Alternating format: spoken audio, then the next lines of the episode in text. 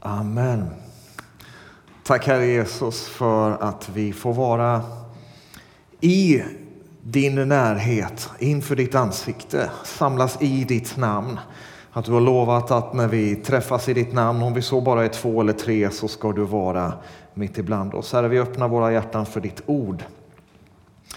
Herre, oavsett om vi finns här eller om vi är där hemma, så tackar vi dig Herre för att vi får öppna oss för dig, för din beröring och för ditt ord. Herre, du äger den här platsen, du äger våra liv. Tack Herre att vi får öppna ditt ord och att du kan tala till oss. I Jesu namn. Amen. Amen. Så roligt att få vara här och så roligt att det här lilla bytet kan bli av. Eh, där jag får vara här den här söndagen och du kommer till oss nästa söndag. Tyvärr så, så flyger jag till Tanzania ikväll så att jag eh, får, får eh, samla mina bästa där hemma, ta hand om dig när du, när du kommer Bengt. Eh, härligt, härligt att vara här och du vet att jag uppskattar dig. Eh, vår, din, ditt bidrag in i vår pastorsgemenskap. Jag minns speciellt den här gången då du lite extra berättade om din resa och hur Gud bar dig genom de, de svåra bitarna. Eh, så jag är tacksam för, för det du ger in i vår pastorsgemenskap. Vi träffas ju ibland som pastorer här och det är gott att få mötas och dela livet och be med och för varandra. Och Karo här nere, är, jag vet inte hur pass ni förstår hur mycket hon håller ihop Segostorp eh, ungdomslägret så att saker och ting faktiskt funkar, inte bara på scen utan bakom scen. Så att, eh, stort tack för, för det som du gör där. Jag tror Segostorp hade rasat utan dig. och Britt-Marie, tack för din dikt. Det är härligt. Det är gott att du gör det där och tar det här steget och utmanar och, och delar. Jag minns med, med glädje och värme alla gånger som du delade dina dikter i, i Skara. Det är härligt. Eh, har ju fler kopplingar till Tibro också. Var ju här och vigde Sven Attelöv som han heter numera. Eriksson som han hette förut. Och också Pernilla, jag vet inte om du är med och tittar, Pernilla Öhman. Eh, Gud välsigne dig och din familj och din tjänst. Eh, I så fall om du är med och tittar. Eh, så men vi ska gå in i Guds ord tillsammans och spännande att få, få beröra Gamla Testamentet. Det är, ju, det är ju så mycket, hela Bibeln är ju en enda berättelse egentligen som handlar om att Gud söker det förlorade. Ända sedan syndafallet så söker Gud det förlorade. Och vi ska gå in i Första Mosebok kapitel 37 och vi ska följa den här fantastiska berättelsen om Josef. Men jag tänker att för att förstå den här berättelsen i sin fullhet, eller ja, det vet jag inte om vi någonsin gör, men, men för att förstå den här berättelsen åtminstone lite djupare än bara det vi ser på ytan, så tänker jag att vi tar sats i evangelium.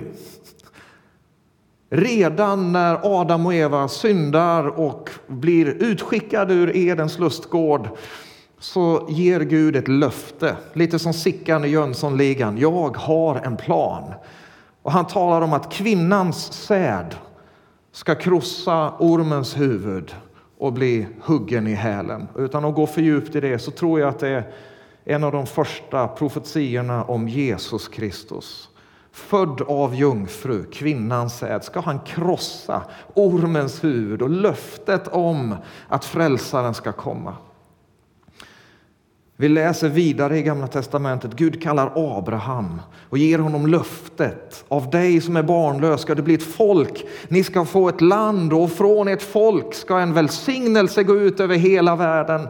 Och återigen så tror vi att det handlar om Jesus. Han som sänder sin församling, gå ut i hela världen och gör alla folk till mina lärjungar. Och när Gud ingår förbundet med Abraham så visar han honom att en del av hans plan är att folket ska vara 400 år i Egypten som slavar. Jag tänker, varför? Jo, men Gud vill ha ett folk. Abraham var en person med en familj. Isak var en person med en familj. Jakob var en person med en familj, men Gud vill ha ett folk som är i förbund med honom. Och det som sker längre fram med Mose, när de blir tagna ut ur fångenskapen i Egypten, är att Gud tar ett helt folk, miljontals människor, ut i öknen till Sinai berg och han tar folket in i förbund med sig. Så det som sker med Josef är en del av en större plan. Guds frälsningsplan som innebär att Gud har tänkt att folket, släkten Abraham, Isak, Jakob ska tas till Egypten. Så att när allt det sker som sker i Josefs liv, då är det i en större plan som Gud har tänkt. Och det är i den planen vi kommer in i det 37 kapitlet. Jag tänkte jag ville backa och zooma ut perspektivet lite för att se att, att vi är en del av hela Bibelns stora berättelse. För man kan undra varför sker alla de här grejerna? Men Gud arbetar redan här på din och min frälsning. Vi läser första Mosaboken kapitel 37 och vers 2. Detta är Jakobs fortsatta historia. När Josef var 17 år vandlade han fåren tillsammans med sina bröder. Som ung hjälpte han sönerna till Bilha och Silpa, sin fars hustrur, och Josef berättade för deras far allt ont som sades om dem. Israel älskade Josef mer än alla sina andra söner eftersom han hade fått honom på sin ålderdom. Han lät göra en hellång dräkt åt honom. Det är en klassisk berättelse, den här färgglada dräkten. När hans bröder såg att deras far älskade honom mer än alla hans bröder hatade de honom och kunde inte tala vänligt med honom. Alltså redan här blev jag uppmuntrad på något sätt. För det vi ser är en dysfunktionell familj egentligen.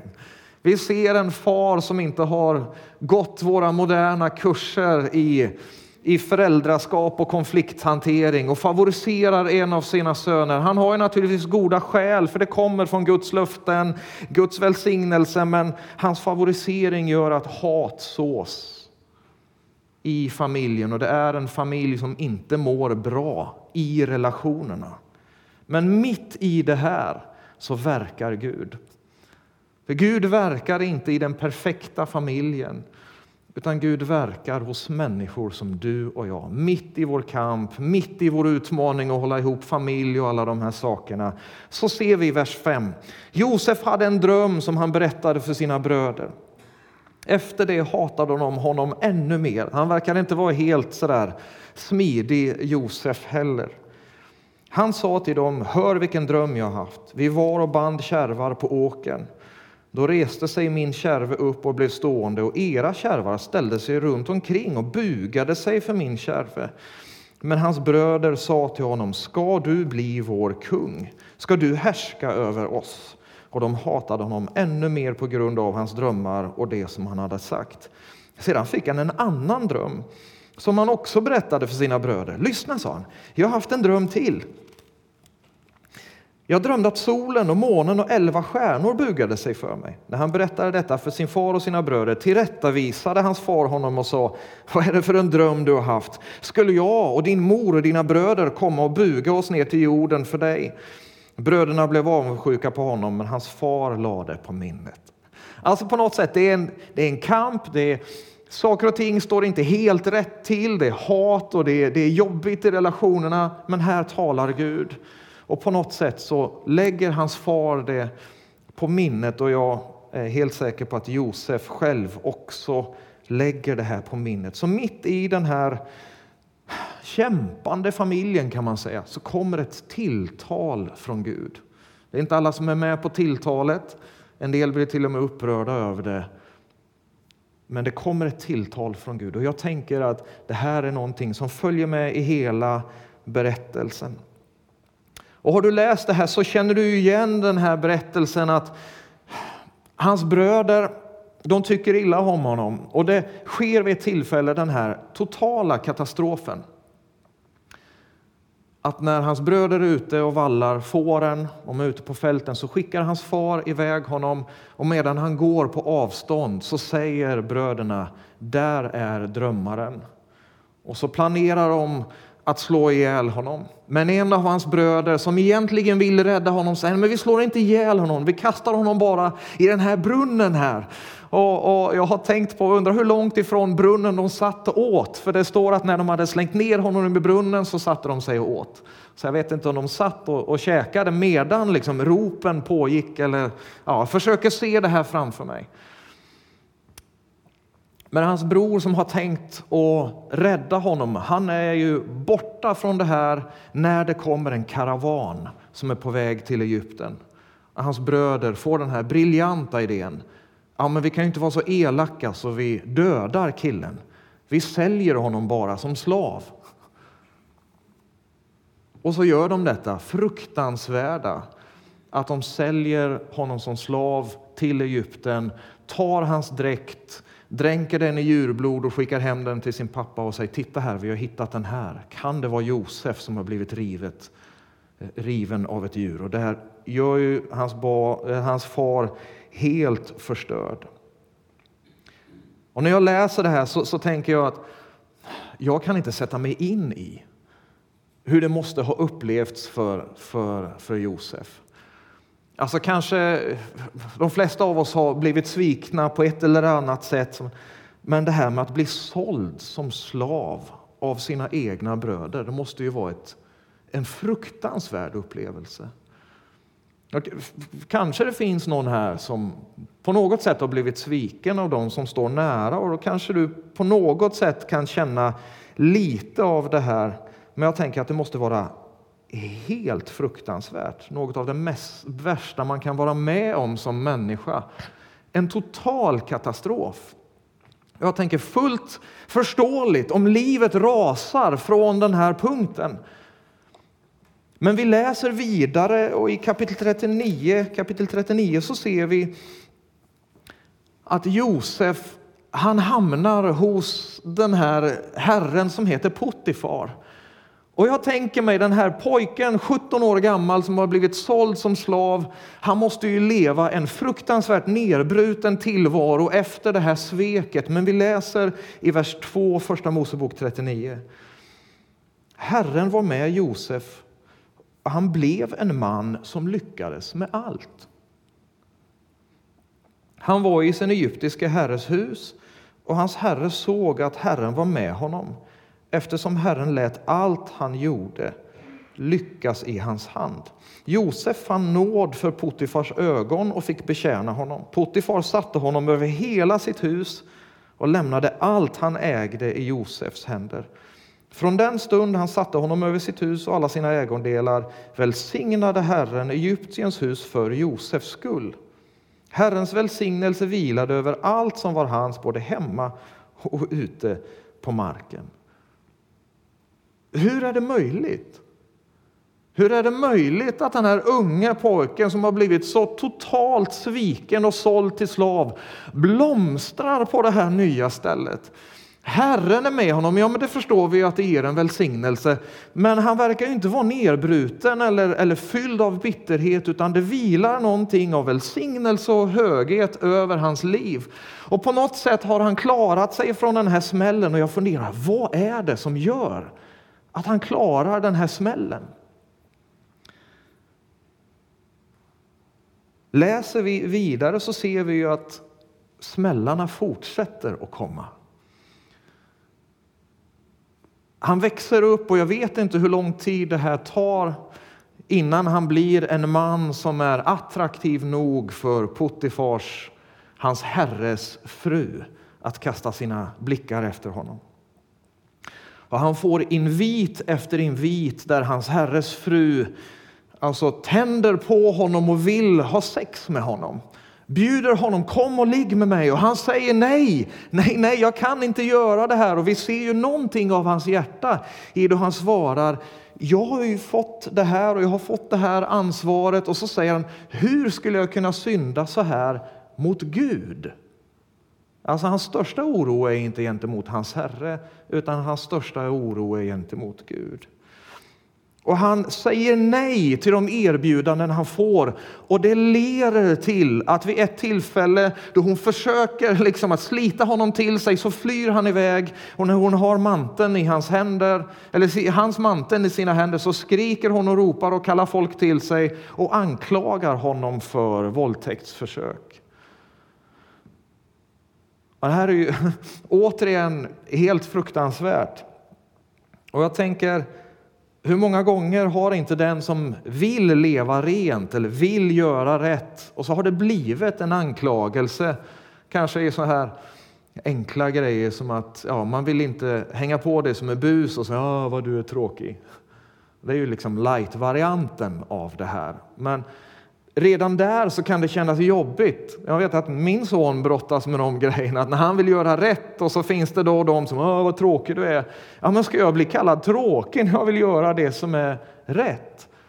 Och han drabbas ju av det här fullt ut. Han väljer att göra det som är rätt. Han vill gå Guds väg. Han vill inte göra det som är fel. Och så tänker man, jag tjänar Gud, Gud välsigna mig. Det här borde väl liksom bygga mitt liv, men istället så drabbas han av den här anklagelsen om att vara en våldtäktsman. Potifar kommer hem, blir rasande och kastar honom i fängelse.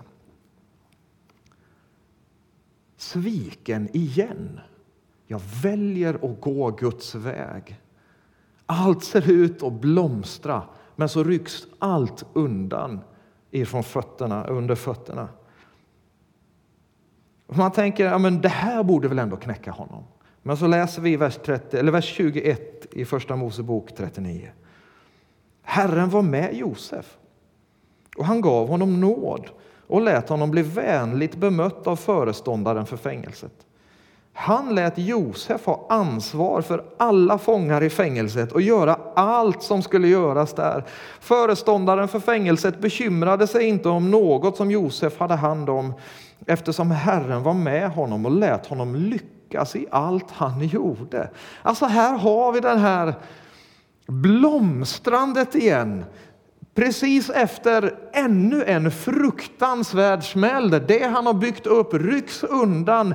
Trots att han vill följa Gud så är det som att någonting vilar kvar över hans liv som är fräscht. Han kommer till en ny plats, en sämre plats, en mörkare plats men även på den här platsen så, så ser man någonting av härlighet och värdighet och höghet över den här unge mannens liv. Och så börjar den här resan uppåt igen. Välsignelse, ansvar, frihet, mitt i fängelset. Och så sker det här att en dag så kommer två stycken som har blivit satta i fängelse från farao. Den ene är eh, munskänk och den andra är bagare. Och de drömmer var sin dröm. Den ene drömmer liksom en dröm om tre vinrankor som, som, eh, som farao äter av. Den andra drömmer en dröm om tre korgar med bröd på huvudet som fåglar äter av. Eh, och de tänker, finns det någon som kan tyda drömmen? Och Josef får prata med dem och han säger, ja men det, inte jag, men Gud kan tyda drömmar. Berätta dem för mig och så berättar de. Eller den ene berättar först eh, och får den här tydningen, om tre dagar kommer du att bli fri.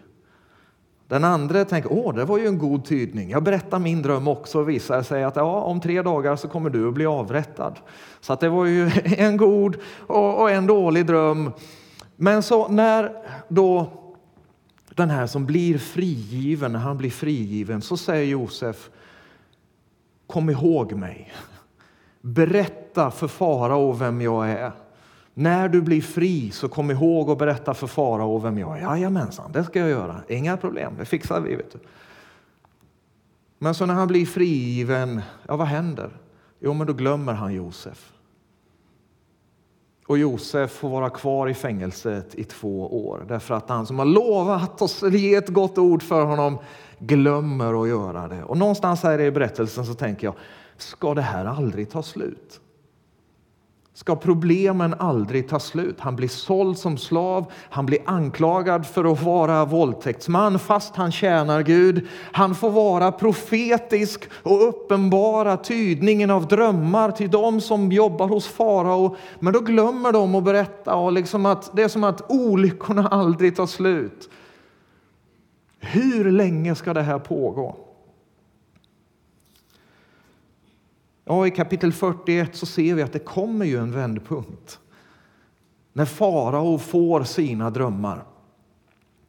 Även farao drömmer, och det här är ju den klassiska berättelsen att farao drömmer först en dröm om att han ser sju feta kor, underbart härligt välgödda kor. Och sen så kommer sju magra kor och äter upp de här korna och är fortfarande lika magra. Och han vaknar orolig somnar igen och drömmer en dröm till om sju ax som är sädesax som är jättefina och härliga. Och sen kommer sju eh, torra, hemska ax och äter upp de här. Och så vaknar han upp alldeles orolig och så tänker han det här måste betyda någonting.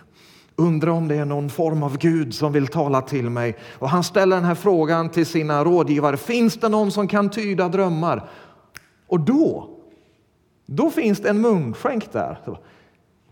Hoppsan! Ja, just det.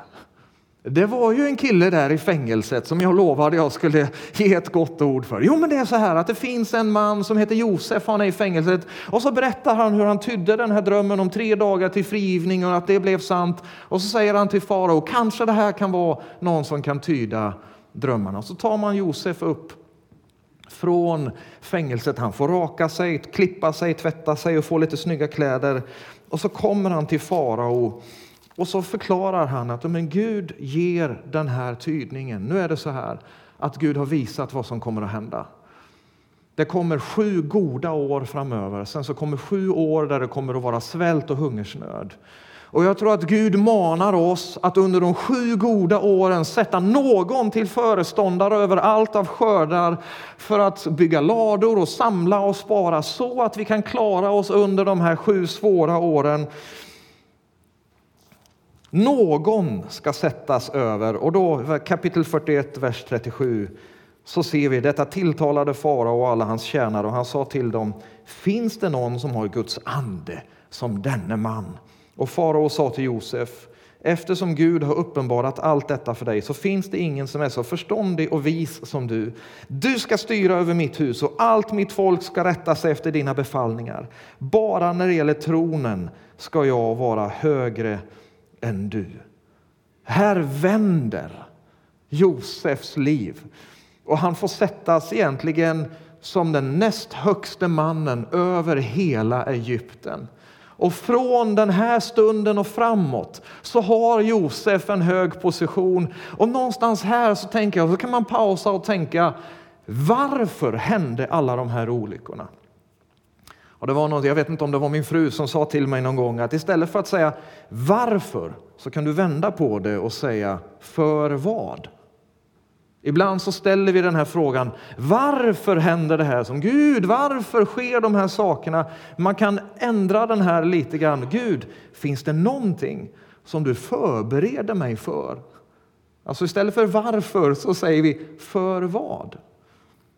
Ja, för att en, en uppenbar insikt när man läser det här är ju att Josef genom svårigheterna förbereds för en otroligt viktig uppgift att stå som den högste ledaren över hela den då största stormakten under en stor, svår, jobbig och utmanande tid. Han behövde vara prövad, luttrad och härdad för att kunna stå på den platsen. Och någonstans tänker jag också, man kan ju ställa frågan, när vi läser den här berättelsen, ser vi Josefs liv som en rad eh, problem? Eller ser vi det som en rad välsignelser? För man kan ju välja att se, åh, han blev såld som slav, han blev anklagad, han hamnade i fängelse, han blev glömd. Men man kan ju välja att se den andra sidan av det. Han fick en dröm från Gud. Gud talade in i hans liv när han blev såld som slav så välsignade Gud honom på den nya platsen. När han blev anklagad för någonting som inte var sant så välsignade Gud honom i fängelset. Alltså, vad är mitt perspektiv? Letar jag efter utmaningarna eller letar jag efter välsignelserna? Och kanske man kan slänga in frågan hur ser jag på välsignelse? Vad har jag för syn på vad det är att vara välsignad av Gud? Har jag en Hollywoodversion där välsignelse är lätt och glättigt och glittrande och medgång? När jag läser i Bibeln så verkar det som att även de personer som Gud välsignar kan få gå igenom ganska tuffa passager. Så det är ju en, en så här ganska vad ska man säga, lättfångad tolkning av det här. Varför händer de här grejerna? Och Gud bygger hans karaktär för att han ska kunna stå i den här positionen. Men någonstans så tänker jag, ja, men vi kommer ju inte ifrån den här berättelsen utan att ta tillbaka bröderna. Eller hur? För det är där berättelsen slutar. Vad var det Gud hade sagt? Gud hade sagt att hans bröder skulle böja sig för honom. Och det är ju det som sker. När det blir hungersnöd så blir det även hungersnöd i Kanans land där hans far och hans bröder bor. Så illa att de är tvungna att ta sig upp till Egypten för att be om säd. Och då kommer de till den här tillfället, den här platsen där Josef står och tar emot dem. Och de förstår inte att det är han, de känner inte igen honom. Om han är sminkad och klädd annorlunda, jag vet inte. Men de känner inte igen att det är han. Och de böjer knä för hans fötter. Och där liksom uppfylls det som Gud har sagt. Och så börjar då det här dramat som vi inte ska djupdyka i idag, för då får vi ta kvällsmötet också. Men har du läst den här berättelsen så vet du att Josef blir rörd. Han kallar sina bröder till sig och han anklagar dem för att vara spioner. Men de säger nej, nej, det är vi inte. Och de berättar för honom att det finns liksom en familj där hemma och, och det här rör Josef så mycket så han måste vända sig därifrån och gråta. Men han skickar hem dem med det här. Okej, okay, det finns en lillebror. Ni måste ta honom tillbaka hit. Och så skickar han hem dem och han, han ger pengar i deras säckar och de blir jätterädda. Hjälp, nu kommer de att tro att vi har, har stulit grejer. De kommer hem till sin far och säger eh, den här egyptiske ledaren säger att vi, måste, att vi måste ta med vår lillebror tillbaka. Och hans far säger absolut inte, jag dör om det händer någonting med honom. Så de åker inte tillbaka. Men till slut blir de så hungriga så de måste åka tillbaka. De tar med lillebror dit. Och saker och ting händer och, och Josef han, han grejar med dem. Han skickar hem dem igen med, med någon silverbägare i och skickar, skickar eh, sina tjänare efter och anklagar dem för stöld. Jag vet inte vad som pågår här riktigt. Om det är så att i Josefs inre är det någon slags kamp mellan hämndens röst de har ju gjort honom så illa, så jag måste bara bråka med dem lite. Eller jag vet inte riktigt vad det är som händer. Det är en jättespännande berättelse, läs den gärna i sin helhet. Men den landar i att till slut när de förklarar för honom hur, hur, hur liksom, om vi inte får med vår lillebror tillbaka hem så kommer pappa att dö av sorg. Och till slut så brister det för Josef. Och han gråter så, så hela hovet hör. Och så läser vi i kapitel 45, för det här berättelsen slutar. Vi ska gå in för landning nu. Kapitel 45, vers 3. Josef sa till sina bröder, jag är Josef, lever far än? Men hans bröder kunde inte svara. Så förskräckta blev de för honom. Då sa Josef till dem, kom hit till mig. När de kom fram sa han, jag är er bror Josef som ni sålde till Egypten. Men var inte ledsna och sörj inte över att ni sålde mig hit. Och nu kommer en passage som är Den här, den här utmanar alla våra tankar och föreställningar. Tänker jag om hur Gud använder saker som sker och vad Gud gör. Det var för att rädda liv som Gud sände mig hit före er. I två år har det nu varit svält i landet och det återstår fem år då man varken ska plöja eller skörda.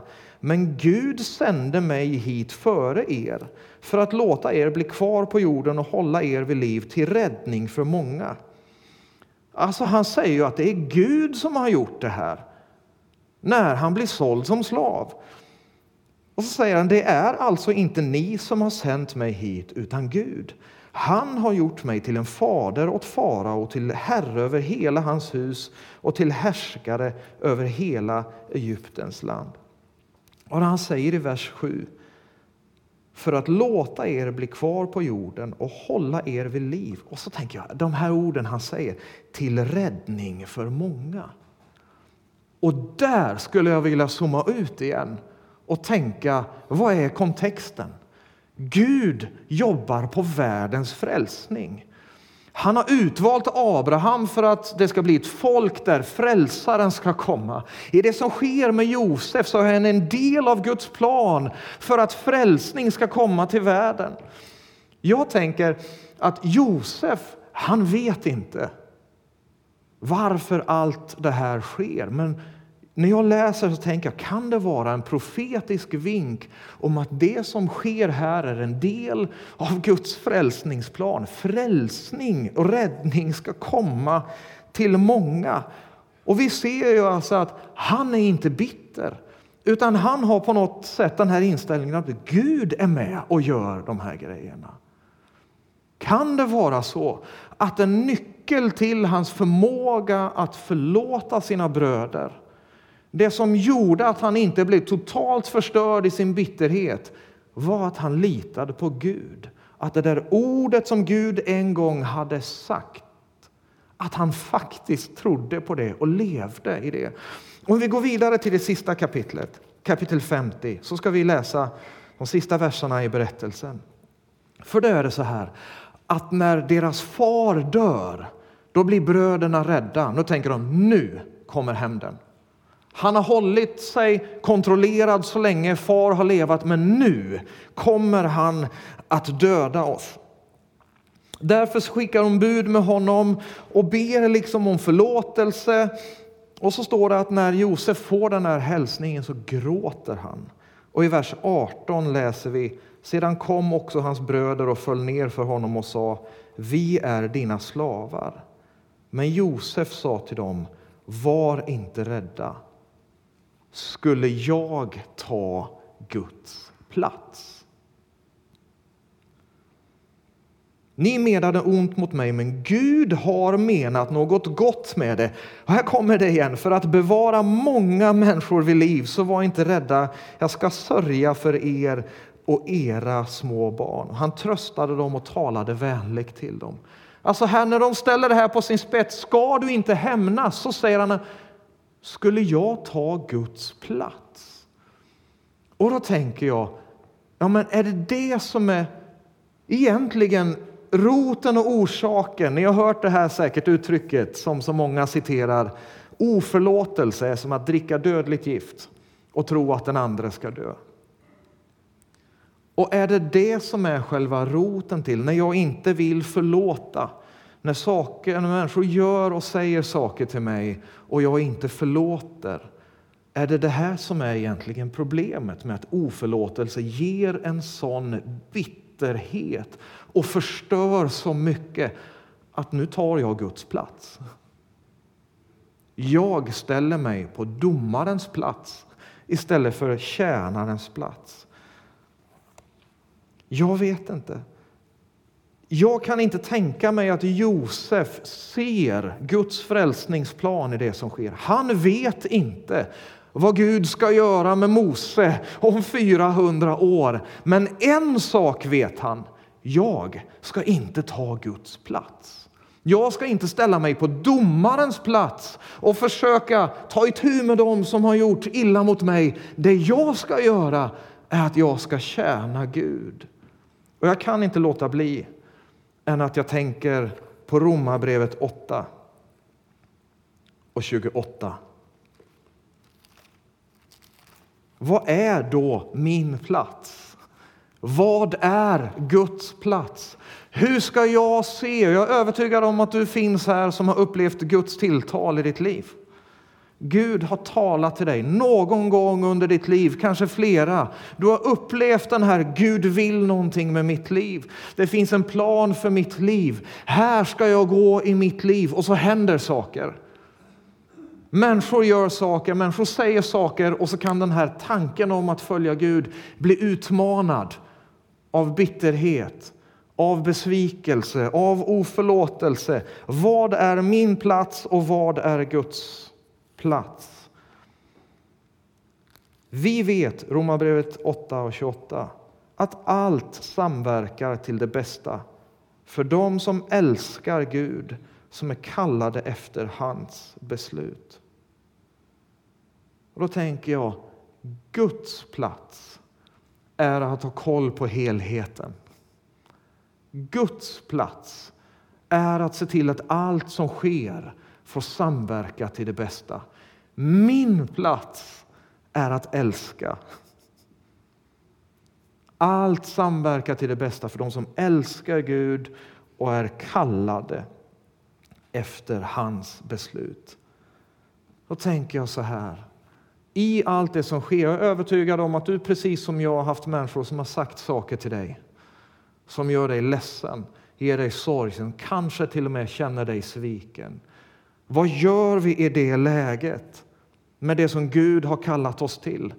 Jag tänker att det är alltid ett fel steg, om du förstår mig rätt, att backa ifrån det här livet då jag vill tjäna Gud på grund av vad människor gör och säger emot mig. Min plats är att utifrån det ljus jag har utifrån det jag förstår att Gud har sagt till mig att göra så ska jag älska Gud och jag ska älska människor runt omkring mig. Guds plats är att ta hand om helheten.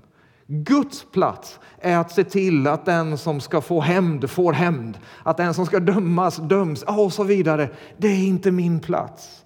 För Jag tror att bitterheten, Hebreerbrevet 12 säger, låt ingen bitter rot få fäste för det förstör mycket och för många. Och jag tror att Gud den här morgonen vill visa på Josef. Han fick gå igenom de mest fruktansvärda saker.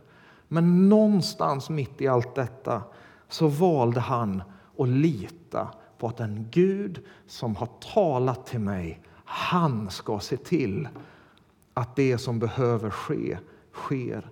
Och det skyddade honom från bitterheten.